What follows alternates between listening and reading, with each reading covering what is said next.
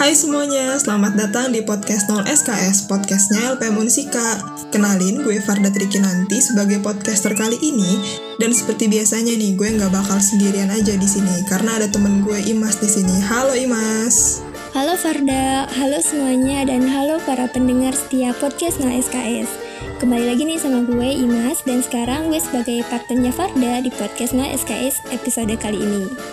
Hai Imas, gimana nih kabarnya Imas? Baik kah? Wah, pastinya baik dong. Seneng banget bisa berkesempatan buat bawain podcast spesial kali ini nih.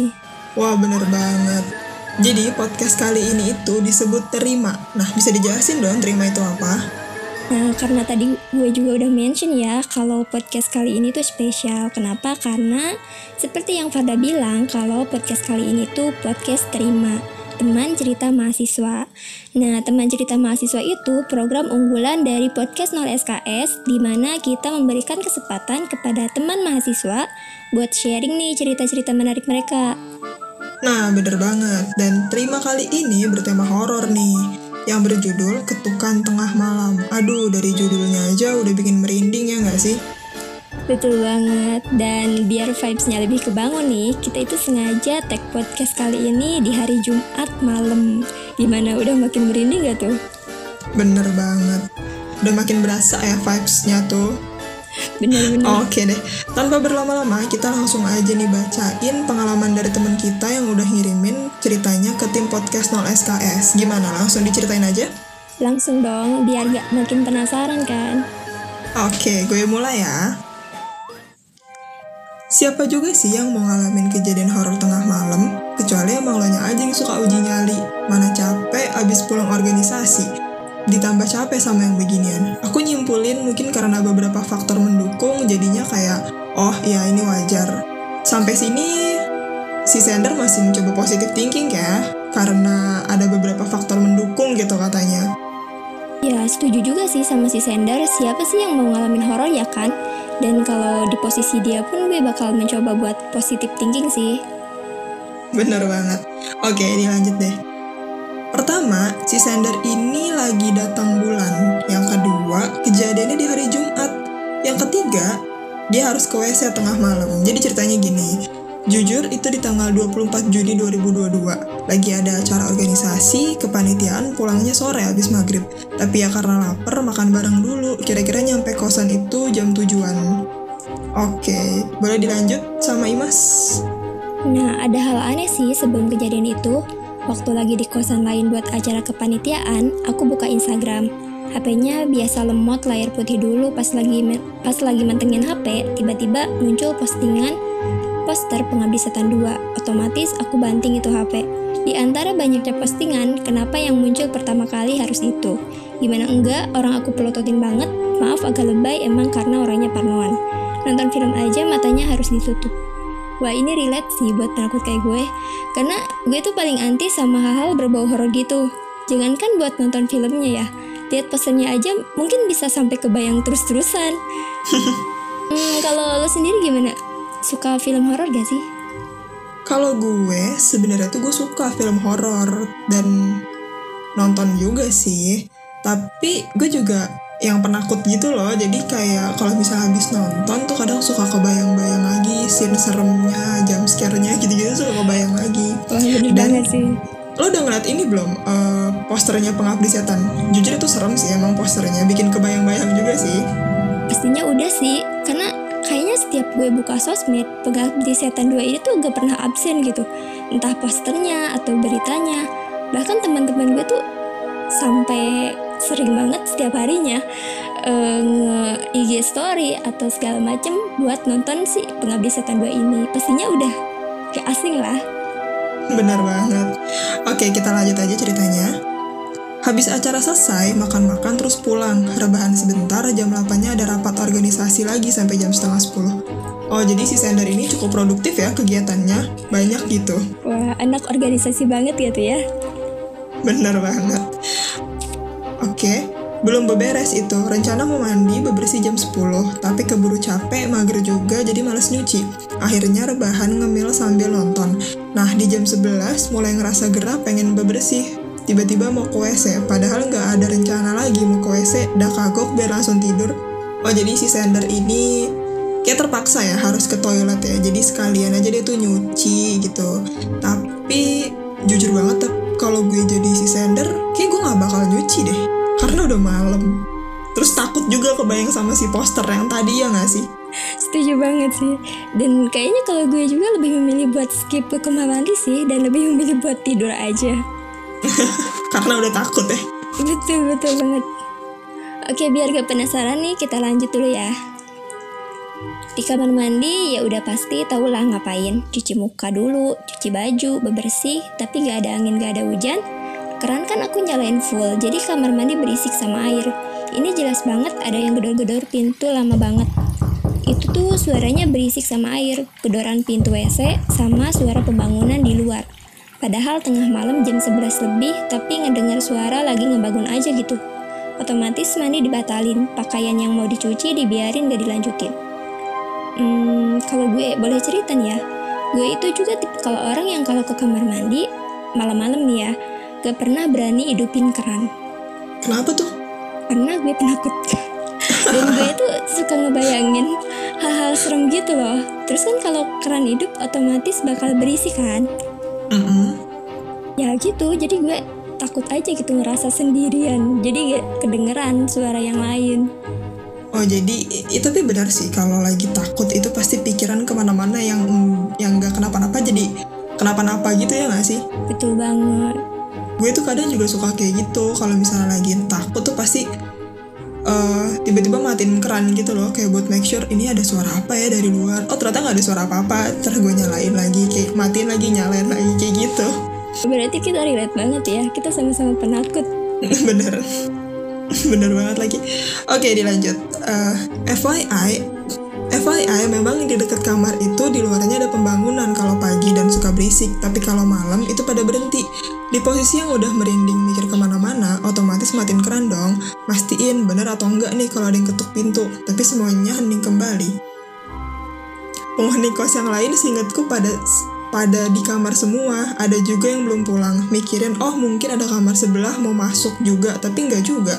Orang WC-nya ada dua di lantai bawah.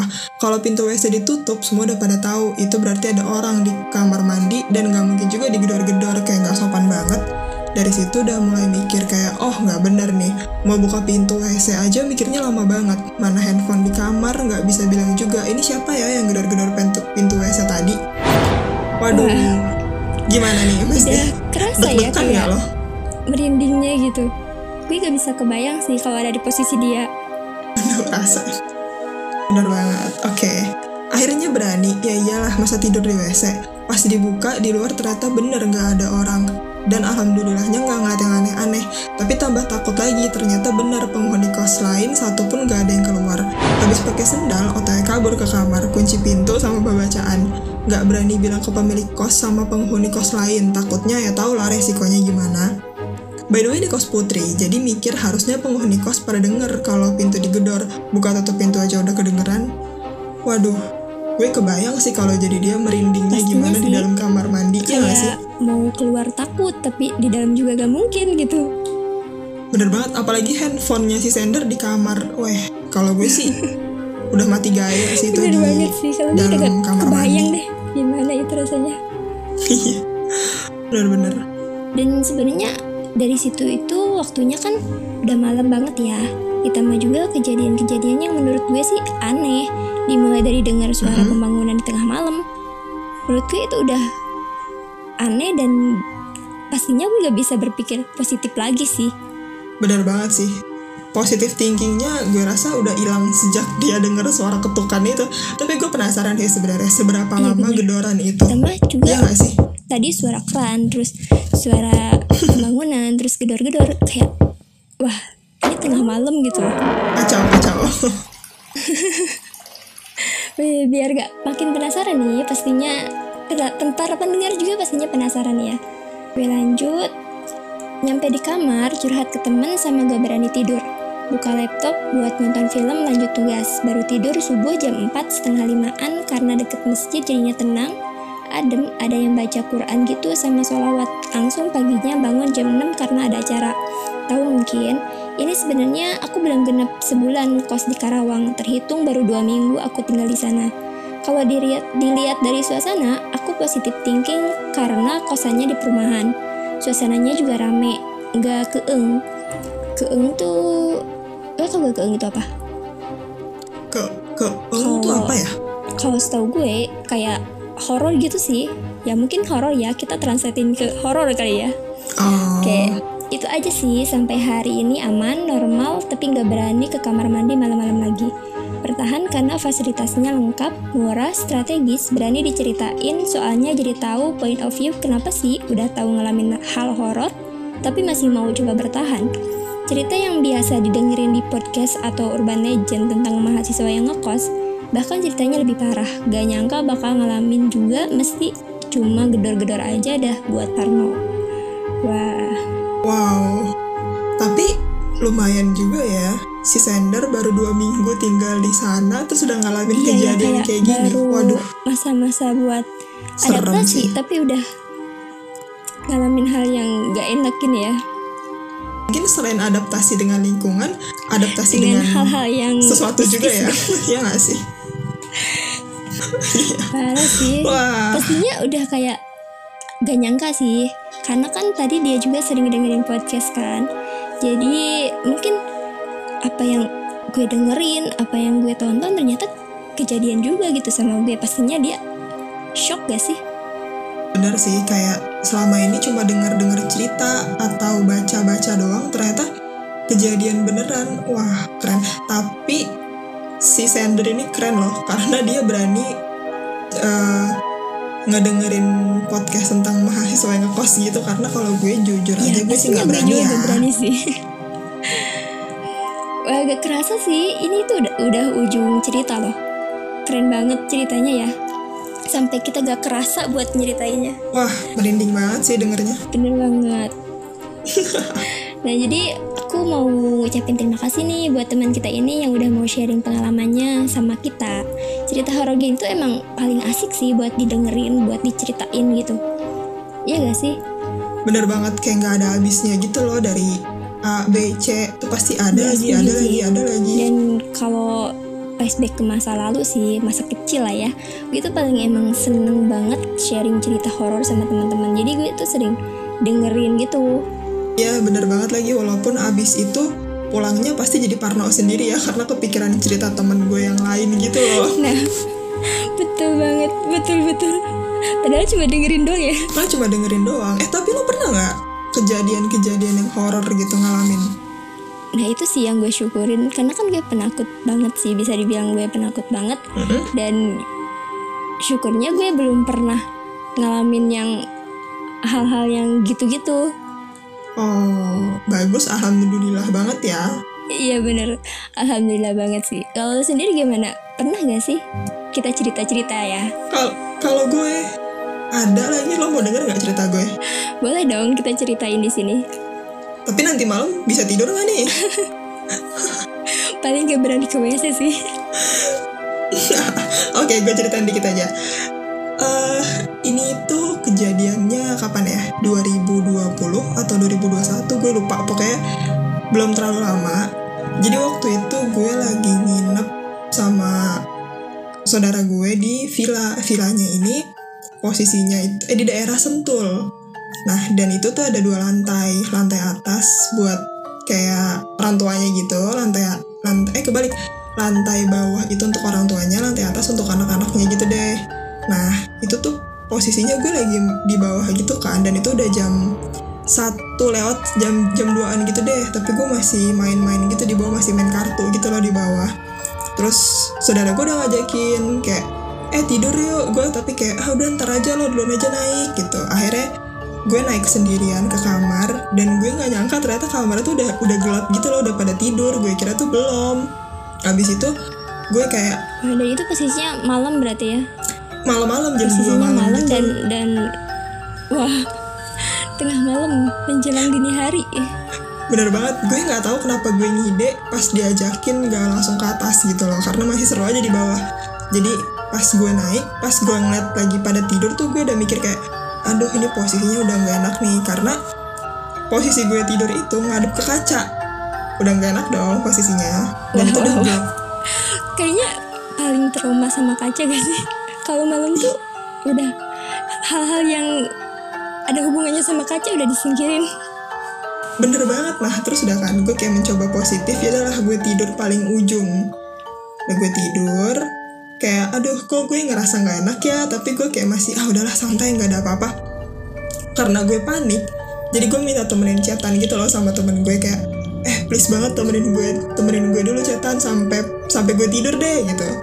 Tapi pas gue lagi chatan gitu kan tetap aja ya karena suasananya sepi gitu jadi kan tetap takut dong. Iya, iya pasti terus adalah terus pas gue lagi tidur gitu di kaca asli itu kayak ada orang gitu loh. Jadi tuh si kaca itu madep ke kasur juga kan. dan di belakang kasur itu tuh kayak, kayak pintu gitu loh. Ah, gue udah merinding iya kayak pintu gitu. Oh my god. terus gue kayak eh eh itu apa dong? Gue kan kayak deg-degan gitu kan. Eh itu apa ya? Ah enggak enggak positif positif kayak bayangan hitam gitu loh. Kayak enggak enggak positif positif bisa yuk bisa.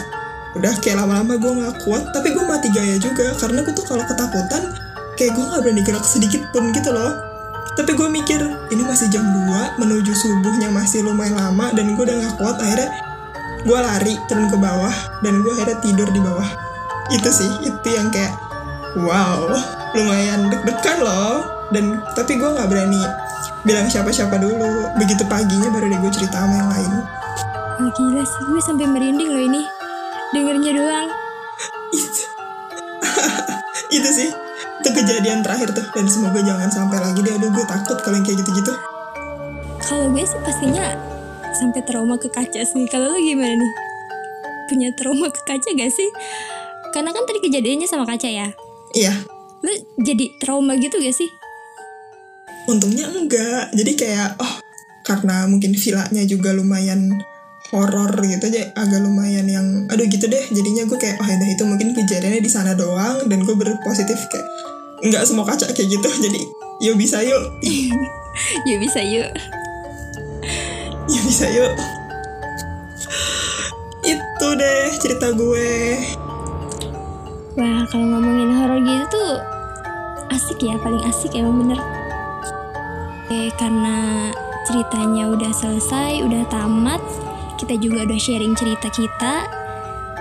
Mungkin ada pesan sih dari gue nih buat sendernya ini. Semoga ini pengalaman horor terakhir deh ya, biar makin betah di kosannya. dan pesan buat gue juga ya Iya, pesan buat lo juga pastinya. Wah, keren keren. Ceritanya keren banget. Eh, emang kalau bahas yang kayak gini-gini tuh emang udah gak ada habisnya ya. Tapi sayang banget nih kita udah harus ngeudahin dulu podcast kali ini. Iya, sayang banget ya. Terima kasih Sender yang udah ngirimin ceritanya dan teman-teman yang udah dengerin kita cerita horor hari ini. Jangan lupa selalu dengerin podcastnya LP Monsika. Dan buat teman-teman yang mau sharing pengalaman atau cerita-cerita menariknya, boleh banget nih. Nanti kita ceritain dan dengerin bareng-bareng di podcast 0 SKS. Terima episode selanjutnya. Terima kasih banyak. Terima kasih Farda. Terima kasih semuanya. Terima kasih Mas. See you. See you.